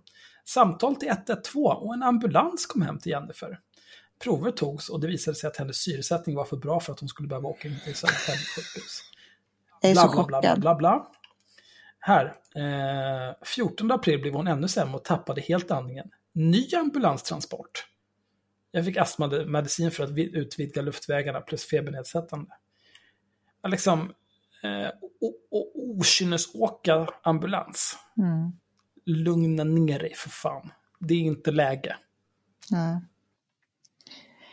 Eh, vi kan länka till den här Raxton-rapporten för att det här är ju liksom det är så många sådana här historier. Där hon dels har ljugit om att hon har företrätt olika organisationer, hon har liksom bytt namn, hon har bytt personlighet. Och det är, det är en extremt intressant historia. Och jag tycker att det är så klandervärt av Expressen att bara hur som helst lyfta henne, göra noll bakgrundskoll och liksom bara lägga upp henne och låta henne ta uppmärksamhet med lögner igen. Förstöra våra liv på det här viset. Mm. Eh, jag ska, ni, ni kan ju prata lite bland er själva, så ska jag de här datumen när hon åkte ambulans. Jag ska ta Jag fram skulle, hennes Instagram och se vad som hände där då. jag skulle vilja veta en grej. Eh, finns det något i den där rapporten om hur faktiskt gammal hon är? Alltså jag, jag vet hur gammal, jag har plockat fram henne för hon höll på och jag kommer när hon var realistbloggerskan, för det var ju efter, det var ju sagan efter hon blev nekad av SD. Det var ju då hon började dejta Bulan och bli så här högerextrem.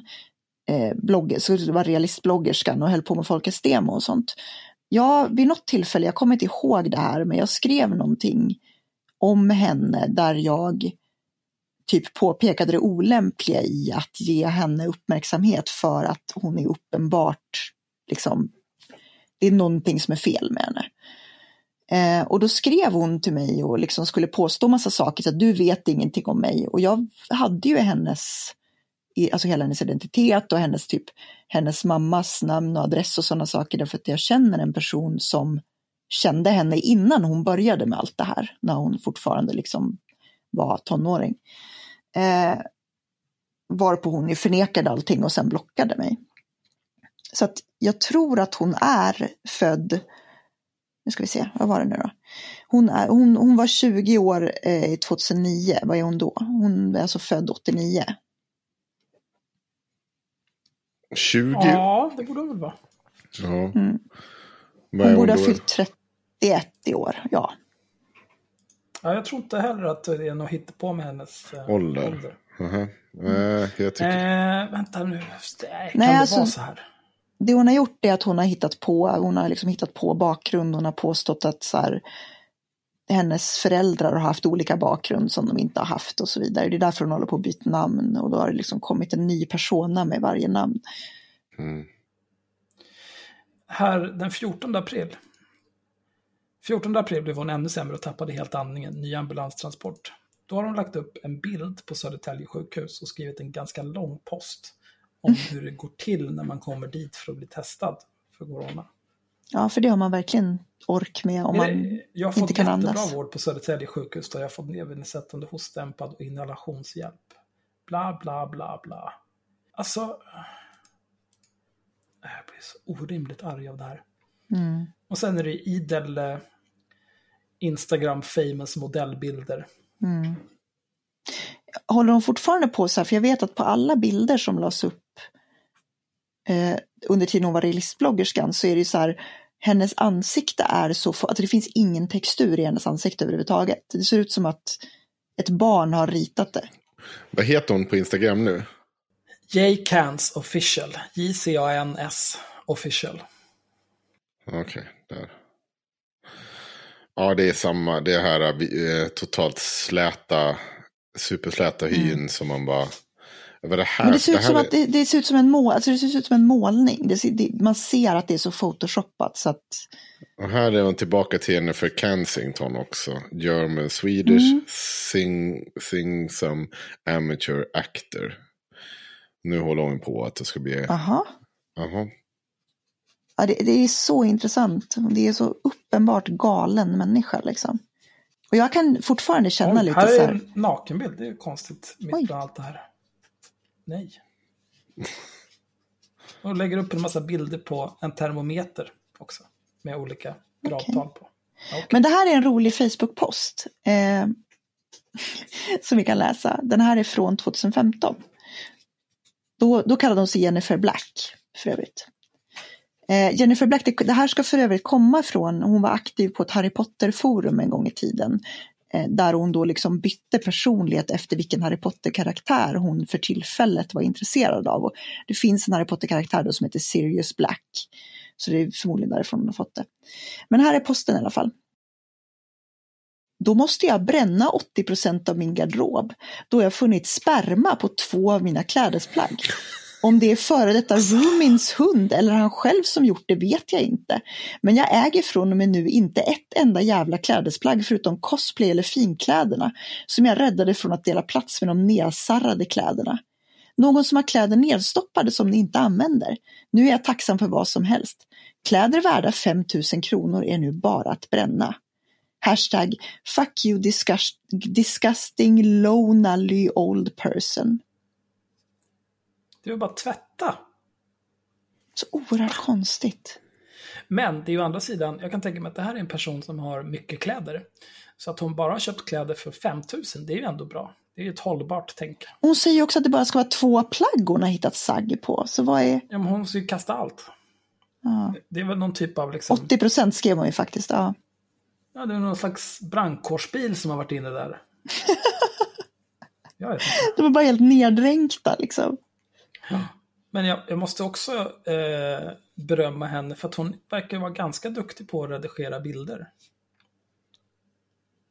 Är hon det Kanske inte en verkligen? komplimang, men, nej, men liksom, så här, det, det, jag kan inte göra så att det ser ut så här. Men det är Jag, ju... jag, det- så här, jag vet ju hur hon ser ut egentligen. Mm. Ja, okej. Det finns ju appar som gör det automatiskt numera. Ja, det är klart. Jag har blivit för gammal. Ja, som, som automatiskt liksom slätar till din hud och formar dig och håller på sådär. Så facetune är liksom. Det är skandal. Mm, Ingenting är sant Det längre. är lite obehagligt. Ja, nej, det här, alltså det känns lite grann som... Nej, någon, någon selfie hon har tagit hos tandläkaren. när Han, han är och gräver, ser ut som hon blöder i hela jävla käften, ser för jävligt ut. Det där, det där är nästan som att få ett avhugget huvud skickat till, så det vill jag inte se. Mm. Men det är bra att hon går till tandläkaren, det tycker jag alla ska göra. Ja, nej, jag säger, jag säger nej. Det känns lite grann som en, en blandning mellan typ eh, Cissi Wallin och Linnea Claesson, fast helt misslyckad. Mm. Ja, och eh, det, hon, har, hon, hon har också en annan växel i. Att liksom så här, det är ju ändå så imponerande att ha en person som under så, alltså haft så många personan. Och lyckas Mm. tagit sig in i så många. Man vill ju, det här blir ju lite noll Jag brukar, ja. ja, men jag brukar alltid sitta och tänka på att när de berättar om de här solovårarna. Och jag, jag vill liksom inte klanka ner på de här som blir drabbade. Men jag har ju stött på den här, när de berättar om den här människan, man bara, men hur kunde du inte? Och, och man vill liksom känna att, jag hoppas ju guds skull inte jag hade gått på det där. Men man, jag tycker ändå att jag stött på de här personerna och sålla ut dem ganska ordentligt inom ganska kort tid. För det finns någonting som de alltid gör. De är alltid så här eh, otroligt... Eh, Ja, men du vet, de är alltid så överdrivna, de är alltid så eh, hjälpsamma, de, är så, de tycker om en. Det är alltid så otroliga utsvävande känslor och, och helt fantastiska historier. Och så fort man börjar Mm. höra det, då tänker man ju så här bara, nej, nej, nej, nej. Alltså det beror ju lite på hur Nej, skickliga tack. de är. Alltså det här är ju, den här personen har ju bevisligen liksom riktat in sig på ganska obskyra sammanhang där folk förmodligen är så ganska glada över alla som dyker upp. Men det är det här som är problemet, liksom, hade hon dykt upp, det var ju, hon försökte ju verkligen gå med i SD och Piratpartiet och liksom de direktdemokraterna var väl minsta av de här. Men hade hon varit ärlig så hade hon ju förmodligen kommit med. Men hon kan liksom inte vara ärlig utan hon måste hitta på en historia där hon liksom är, är, är mer intressant. Mm. Mm. Eh, jag märkte en annan sak här. Hon strösslar ju alla sina inlägg på Instagram med 8000 hashtags. Mm, det är så man får White följa hair, det. silver hair, hair, grey hair, grey hair, silver sisters, hair color, Mm. cosplay, white hair, don't care, quarantine och så vidare och så vidare. Mm. Sen den sista. White is right. Oj, det var lite av en combo breaker från allt det här andra. Ja. Hon, det, jag kan säga att man får väl inte, det funkar inte. Förr funkade det så med hashtags, men det funkar inte på samma sätt idag. Jag vet inte, jag klickar Jo på det och ser vad som händer. Du kan följa hashtags Jo, specifikt men- istället för att följa personer. Du, du, du har, de har sållats ut på ett helt annat sätt idag. Mot vad de var förr i tiden. Då var Ja, det alltså verkligen du- så här raka vägen in. Förut så kunde du ju få saker i ditt flöde, nu måste du gå in på Discover för att få upp saker. Men det är fortfarande så att om du har klickat på en miljard poster som har varit taggade med typ Insta, Insta Booty eh, så kommer du ju förmodligen att få upp tips på fler som har använt taggen Insta Booty. Som man gör. Som man gör om man nu är Claesson. Den här eh, White is right hashtaggen verkar inte vara så hitlerig. Det verkar mest vara folk som har vita kläder på sig. Ja, vitt hår kan Här, jag här är tänka någon mig. vit bil också. Mm. Men det, det känns lite så här, man kanske, jag skulle kanske inte använda den personligen. Det känns lite, Nej, men om man lite dessutom belastad. har ett förflutet eh, inom högerextrema rörelser då kanske man ska ta det lite lugnt med liksom. Mm. Ja, det kan ju vara en hundvissla, jag vet inte. Jag skickade en bild apropå hennes eh, bildredigering. Jag skickade en bild i chatten. Hon ser ut som en Sims-karaktär. Det är, ja, det är några bilder hon har lagt upp också på Instagram där det liksom ser ut som en helt annan människa. Mm.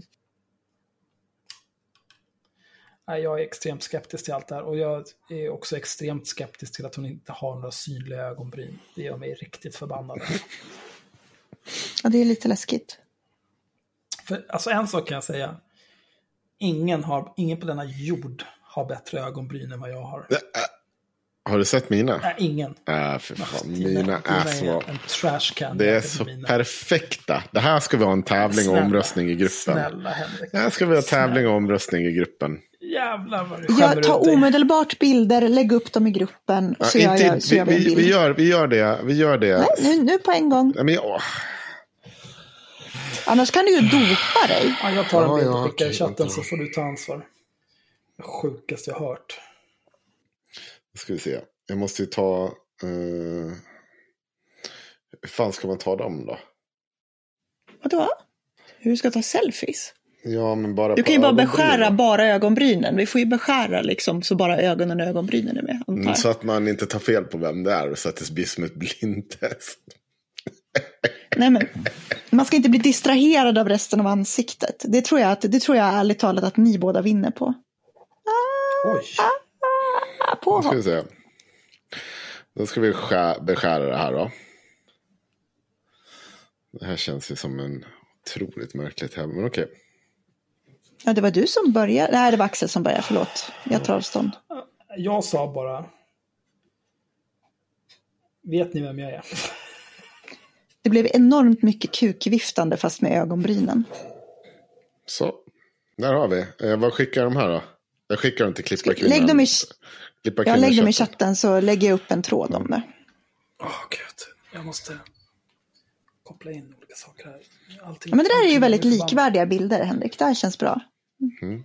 Vi har synkat på den här frågan. Men ska, ska, nu känner jag så här att rent spontant så är det någon som har målat ögonbrynen kan ju inte vara med i, det här, i den här tävlingen. Det är doping. Det är som, jag har ju tvättat, jag, jag, har typ, jag har dragit över hela ansiktet med tvålvatten. Jag vet inte, fast, ja. Okej. vad ska jag göra? Alltså jag kan, jag kan gnugga ögonbrynen och vända till och så kan jag ta en ny bild. Vänta. Eh, eh, eh, vad har jag? Fan, jag är jävla osäker. Att, att du ens går in i ringen med de där jävlarna, Henrik. Alltså. Det är den här, vad är det man säger? Ehm, att så här, jag önskar att jag hade, hade självförtroendet hos en medioker vit man, eller hur är det man säger? Hårda ord. Ja, men det här är fighting words. Jag är stolt över mina ögonbryn. Det här får ju mm, hissmusik. Någonting. Det här. Det, det här är jättebra content. är det verkligen det?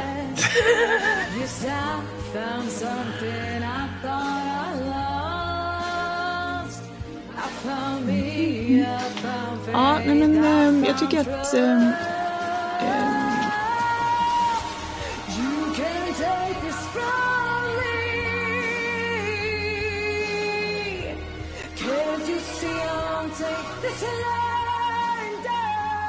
det är en väldigt intressant person, person därför att jag tycker att det är väldigt fascinerande med människor som sådär ogenerat liksom bara ljuger sig genom livet.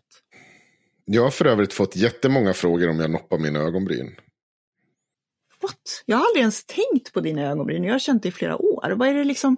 Det är, ja, det är faktiskt det, det, det är den absolut vanligaste komplimangen jag någonsin har fått i hela mitt liv. Men det, det är väl för att allt annat ser ut som skräp. Nej, men alltså jag förstår bara inte. Så jag, jag brukar ändå uppskatta bra ögonbryn. Jag har aldrig ens tänkt på att du har ögonbryn. Så jävla, ja det är väl så. bara så titta, kolla ner från fötterna upp bara, snygga ögonbryn.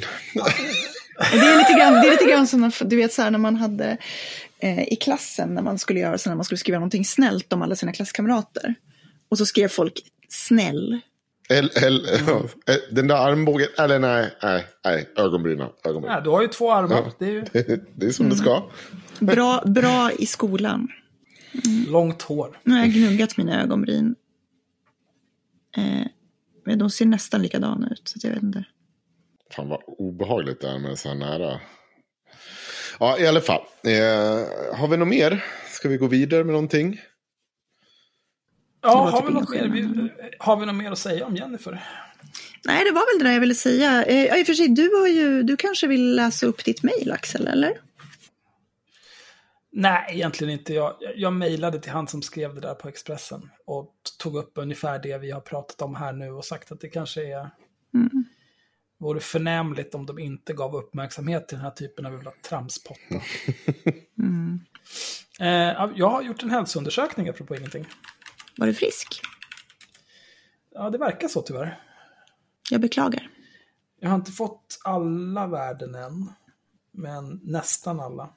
Alla är inom referensvärdena. Mm. Det är stor besvikelse. Jag har också konsulterat min personliga sjuksköterska gällande det här. Mm. Eh, och det gick bra. Och hade väl ingenting att klaga på riktigt. Jag hade ju hoppats på att de skulle säga typ så här, ja men du är döende. Men om du gör den här väldigt enkla grejen så är det lugnt. Jaha. Typ eh, gå, upp, gå upp fem minuter tidigare på morgonen. Den nivån av enkelt. Men eh, så blev det inte. Det är, det är lite av en besvikelse faktiskt. För jag kommer aldrig kunna motivera mig själv att göra någonting det, må, det, måste finnas, det måste finnas pengar i potten. Alltså dödshot. Du måste leva under dödshot. Ja, jag måste leva under dödshot, annars kommer jag inte orka. Det är därför jag har ett jobb, annars skulle jag svälta ihjäl. Var det här, vänta, var det här ett avancerat sätt för dig att börja typ gå ut och gå eller något sånt där?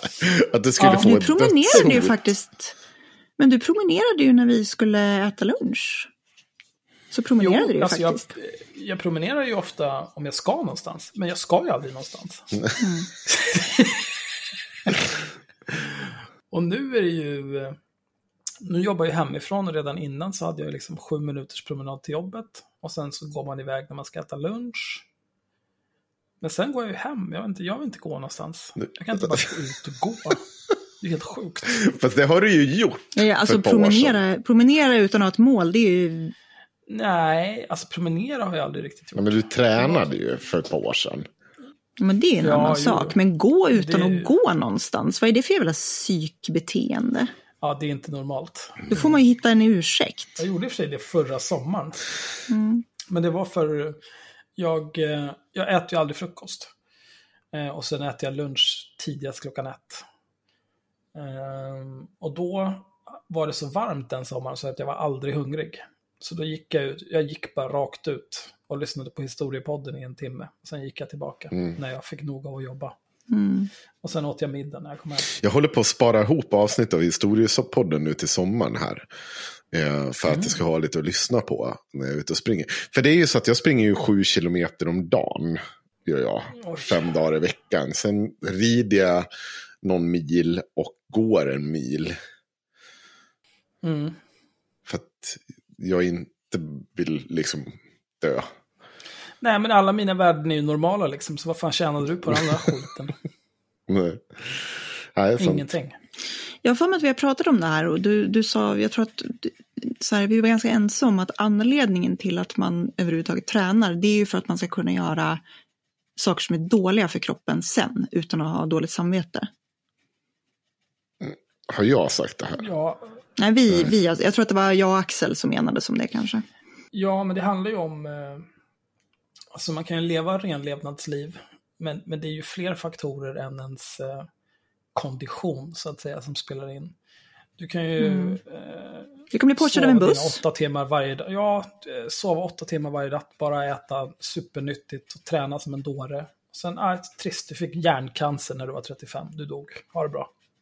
Har jag berättat om kärringen som var chef på... Eh, alltså hon var, hon, var, hon var hemsk. Men eh, vila i frid. Men hon, hon var chef på ett av mina tidigare jobb. Eh, och grejen var så här att jag ville typ inte gå tillbaka dit. Det var så här, det är ett callcenter där jag jobbade. Och jag, hon var så jävla otrevlig mot alla liksom. Typiskt sån här eh, gammal, gammal tant som snart ska gå i pension och hatar alla. Eh, och bara liksom vill sprida sitt, sitt, sin bitterhet till alla. Eh, Härligt. och när jag då, så här, när jag kom tillbaka, typ något år senare, så var det någon som så bara gick in på liksom, intranätet, på portalen och skulle boka något pass och så såg jag någon post, bara, ah, den här personen, jag tänker inte gå ut med hennes namn för det känns onödigt, men har lämnat oss. Och jag bara, ah, gud vad skönt, hon har slutat. Och så visade det sig att hon har dött. Jag bara, och fick jättedåligt samvete. Eh, och sen så fick jag höra historien och det var så då hade hon, liksom, hon hade ju verkligen gått och typ beklagat sig över sitt liv. Och så här, åh det ska bli så skönt att äntligen gå i pension så man slipper den här skiten typ. Och sen så här, någon vecka efter hon gick i pension så hade hon fått en stroke och bara tvärdött. Och då tänkte jag så här, det här är, fan, det här är det mest tragiska jag kan tänka mig. Äntligen fri. Ja. Men vad ska du hålla på liksom?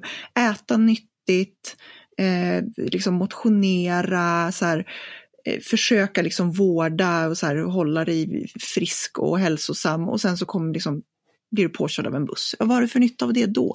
Tänk på alla hamburgare du hade kunnat äta, tänk på alla öl du hade kunnat dricka.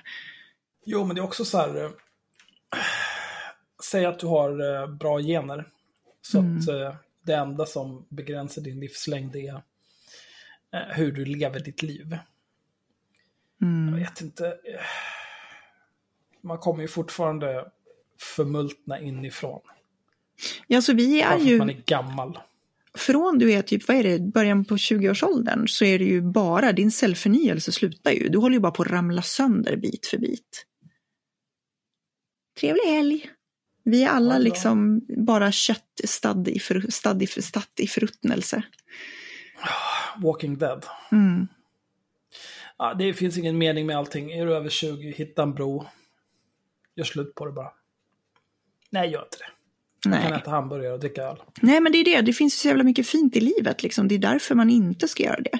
Man ska ju liksom, man ska ju göra sånt man mår bra av och det man tycker om. Speciellt, alltså jag vet inte. Speciellt liksom när vi har så här coronapandemin som på något sätt sätter saker i perspektiv lite grann. Framförallt ska man inte ta råd av oss tre. Då är man ju sjuk i huvudet. Jag är... Jag är ja, nej, det är okej. Du behöver inte ta något. Jag ger inga ändå. Nej, men alltså jag, men alltså jag, jag, är, jag är, känner väl så här att mår du bra? Känner du att så här, "Ja, men fan vad, vad nöjd jag är med mig själv när jag har varit ute och sprungit? Fan vad bra jag mår av det. Ja, men gör det då. Det är inte så att jag säger att du måste liksom leva dåligt liv. Jag säger bara att du ska göra det du känner att du mår bra av. Det kan ju vara olika saker för olika människor. Jag har gjort en omröstning här. Ja, det är klart det har. Men du, du, du sa ju att du ville Hon ha en omröstning. göra. Jag vet. Än så länge har jag 31 röster, Axel har 9 röster och du har 3 röster. Ja, Ja, det var oväntat. ja, så otroligt oväntat. Nej, jag lämnar gruppen nu. Nu räcker det. Jag Det brukar låta så när man förlorar. Jag skulle väl prata... inte- Ja, vad sa du? Ska vi inte prata om... Eh, Skulle vi prata någonting om transsexualitet idag eller? Jag vet inte, jag tänkte att vi skulle göra ett speciellt avsnitt om det. ja, då gör vi det. Mm. Då har Det känns vi... väl vett- vettigare då. Så får vi ta in någon som faktiskt har koll på frågorna liksom. Jag tycker att det borde förbjudas. Ja, ja. Ja, du är i gott sällskap kan vi säga. Eller dåligt sällskap, jag vet, jag vet inte. Stort sällskap. Såg ni den där om, eh, vad heter det, hon eh, som har varit den stora kulturdebatten om han Jaja, eh, Mm, danska, danska, danska poeten. och eh, vad heter hon då? Athena Farrokhzad. Ja, hon är ju alltid i bråk med hela kultursverige. Det är väl lite hennes grej, eller? Jag kan ta lite snabbt, det tycker jag, för det, jag tog ut den texten. Det är, det är ju väldigt, väldigt, jag, var, jag såg fan folk som reagerade som jag faktiskt inte trodde skulle reagera på. Jag kan uttrycka mig så här, folk som vanligtvis har en tunga så upp, långt upp i röven på henne att den sticker ut genom örat. Som faktiskt mm. reagerade på att oj, det här var en konstig text att skriva över någon som hade dött. För texten handlade det var ju... Väldigt, det var, fokuserade väldigt mycket på hans etnicitet. Ja, jag, jag har han... inte läst alla texterna men ja. Den här, jag försöker leta upp skärmdumparna. Klippan får lösa det här så att vi låter professionella. Det som trivs bättre i det liv än du själv står på kö för att kondolera. Ditt svenska förlag skriver han blev snabbt hyllad och prisbelönt. Men också med tiden allt svårare trängd av inre och yttre omständigheter. Vilka var de här omständigheterna som trängde dig? Var det en storm som drog förbi ett plötsligt missöde? Omständigheterna har namn, liksom de människor som ansvarar ansvar för dem. Vem dödade dig, Jaja? Eh, var det klassamhället? Var det den danska statsrasismen? Var det patriarkatet? Var det Israels fördrivningspolitik? Var det bördan av att upp, eh, uppfinna ett fält? Var det media? Eh, jag vill att det som beklagar ditt öde ska tala om dessa saker. Agera för den namnlösa som dör som du dog. Åtminstone en gång eh, adressera de väsensskillnade villkor under vilka människor lever och skriver. Först då kan jag läsa dina dikter tillsammans med dem. Ingå i den intimitet som sorgen fordrar. Jag minns den enda gången jag mötte dig. Jag tog mig förbi livvakten och frågade, hej ska vi promenera? Du sa att du skulle söka upp mig, men jag såg aldrig dig igen. Jag borde ha tagit dig under armen. Vi kunde ha vandrat bort från folkmassan, ut ur jag den cirkus. Jag borde ha tagit hinten. Ja, cirkus som litteraturvärlden är. Vi kunde ha flytt diskursen, ordningen mot alla odds, mot andra, andra breddgrader. Vi kunde ha uppgått till fa Farouk Farrokhzads dikt Den utopiska solen i hennes rader. Så härlig ljuset är. Och så, så läser hon upp sin egen dikt. Alltså det, var, det är superkonstig text. Och den fokuserar mycket på henne och att ja, han det... var en svart mm. man, säger hon också. Att den, tror jag hon säger vid ett tillfälle. Om jag inte mm. missminner mig. Uh, jag måste svara på en sak här. Aha. Jo, varför måste bruna män dö? Jag tyckte att den här, från, från texten i Proletären, mm. jag, jag, tycker det här var en bra sammanfattning. Eh, texten i Proletären som du länkade, där de beskriver det så här, det här är bara ett stycke. Jag tycker att om man inte har läst texterna så beskriver den ganska bra eh, kritiken. Um, det är mot denna bakgrunden kan förstå varför hon i DN reducerar poeten och islamkritiken Yahya Hassan till den brune mannen som var dömd till att dö i ung ålder som många andra bruna män.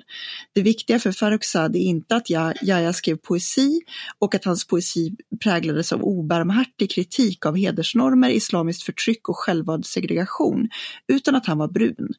Till och med en del högerpopulister iakttar större försiktighet, parentes, om än för att förleda och manipulera, slutparentes, med att reducera människor till pigment. Mm. Eh. Han var ju väldigt ljus den där jaja. Men jag, tycker, jag tänker att eh, det har sagts ganska mycket. För, och jag vill vara väldigt betydlig med. Jag visste inte om den här människans existens. Den här Jaja. Ja, äh, Athena äh, Farrokhzad har jag ju stött på. Jag, jag har ju sett henne hylla typ Sveriges unga muslimer och sånt där. Och haft en jävla hög svansföring. Men hon, hon, hon publicerar ett ganska roligt svar. eh, och, och som man bara, eh, jag blir bara, du är så jävla pantad kände jag. Det var liksom allt. Och då skriver hon så här, kära ni, tack för all fin respons kring min text om Yahya Hassan. Jag vet inte om det var så många som tyckte att det var så jävla bra. Jag tror att de flesta tyckte att den var skräp. Men du har säkert några kompisar som hörde av sig och tyckte att daskade lite på ryggen och sa att det här var ju bra. Jag har tackat nej till alla svenska och danska intervjuförfrågningar som följt av publiceringen. Jag brukar inte tycka om att befinna mig i en pågående debatter. Nej, men om du inte gör det. För fan, syns inte offentligheten. Bli inte en del av... Jobbigt självskadebeteendet, ja. ständigt skapa debatt. Ja, Eh, istället försöker jag formulera mina egna texter så att det inte ska återstå något för mig att tillägga. Jag har skrivit om Hassan tre gånger och det ska man komma ihåg. Hon har ju sagt typ att han inte borde publicera sina texter för att han bara är typ spelar rasisterna i händen. Mm. En recension av hans debut, en av hans andra bok och ett minnesord. Utgångspunkten för dessa texter är en vilja att befinna sig i samtal med någon man ingår i samma kollektiv som. Men inte alltid är ense med. En bror man respekterar, vars livsvillkor är sammanflätade med ens egna, vars riktningar påverkar en och som alltid att först tänka strukturellt kring människans och diktens poetens plats i världen. Att sammanblanda det med en vilja att tysta säger mer om litteraturvärldens syn på kritik och samtal än det som det säger om mina bidrag en majoritet av det som eh, uttalat sig är i bästa fall liberaler, inom parentes, som kanske tror att de är vänster. Och vår syn på litteraturens eh, verkan och gränser skiljer sig fundamentalt åt. Jag är van vid att, deras att vara deras produktionsyta. Det påverkar inte min riktning i offentligheten. Den homogen kamp, eller hegonomikamp jag vill vara delaktig i att bedriva. Det, def, eh, det, det affinitet affiniteter jag vill tala med och genom. Nu när alla eftermälen är skrivna skulle jag helst vilja se Danmark och Sverige tysta, tystna i tillbörlig respekt för förlusten. Tack för att ni läser och skriver. Sen det här, det här var, ja, de är som bäst liberaler. Men, du, på vilket sätt är du vänster sa du nu igen? Kan du, kan du inte bara berätta mm. för mig en gång på vilket sätt du är vänster? Kan du inte bara berätta det för mig? För jag har inte sett det. Jag, jag kan ha missat det. Det kan finnas långa haranger om att hur bra vänster du är och vad du tycker om den ekonomiska politiken och vill omkasta samhället. Det kanske det, kanske det gör. Jag, jag kan vara helt ute och cykla. Men fortfarande här är så här. Din, den här typen av vänster. Jag vet inte. Jag ser inte dig i den någon slags progressiv vänster. Det enda du gör är att prata hudfärg. Men det här är väl mm. också lite grann, eh, det här är ju problemet med intellektuell vänster. Mm. Att det är liksom ett vänsterperspektiv som inte är relevant för den förkrossande majoriteten av de som vänsterrörelsen bör representera. Nej men precis, men alltså det, jag vet att det var någon som, det var väl någon tror jag i vår grupp som frågade så här, jag förstår inte vad ni har för problem, så här, jag förstår inte vad ni har för problem med Malcolm. Um, och jag sa att det är väl inte så jävla konstigt liksom egentligen. Så här, Malcolm är auktoritär, eh, akad akademisk vänster. Jag är frihetlig, obildad arbetarklassvänster. Liksom. Um, jag, jag, vet inte. Och jag är rovkapitalist. Ja. Men alltså vi, alltså även om man liksom säger att vi är vänster båda två så har vi extremt olika utgångspunkter. Eh, som vi kan vara oense om, även om vi kanske är ense om vissa saker i vår analys. Eh, jag vet inte. Vänstern är ju rätt bred liksom. På samma, sätt, som, tror... på samma sätt som typ klassiska liberaler, så här, Timbro-liberaler har inte supermycket gemensamt med eh, liksom SD-fascister. Mm.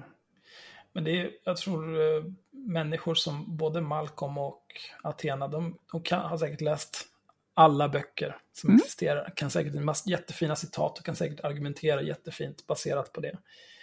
Men eh, det hjälper inte när man är en underbetald undersköterska, för de har inga svar till den personen. Nej, de har inte det. Nej, precis. De de citerar hade ju det eh, oftast, men det gäller ju att faktiskt göra det åtkomligt och det är väl det, jag menar, jag vet inte hur tillgängligt det är för en eh, liksom Uber-chaufför eller en undersköterska att läsa Malcolms blogginlägg. Liksom. Nej, men sen Athena är väl främst också eh, poet. Mm. mm. Innan, före hon är kommunist, tänker jag mig. Men ändå det, det, hon är väl uttalat kommunist, är hon inte? Ja, fan med det. Jo, men jag tänker, för liksom, så här, kulturmänniskor är ju också en egen subkultur. Liksom. Alltså riktiga, typ Svenska Akademien. Åh, Kristina Lugn har ju dött. F i chatten.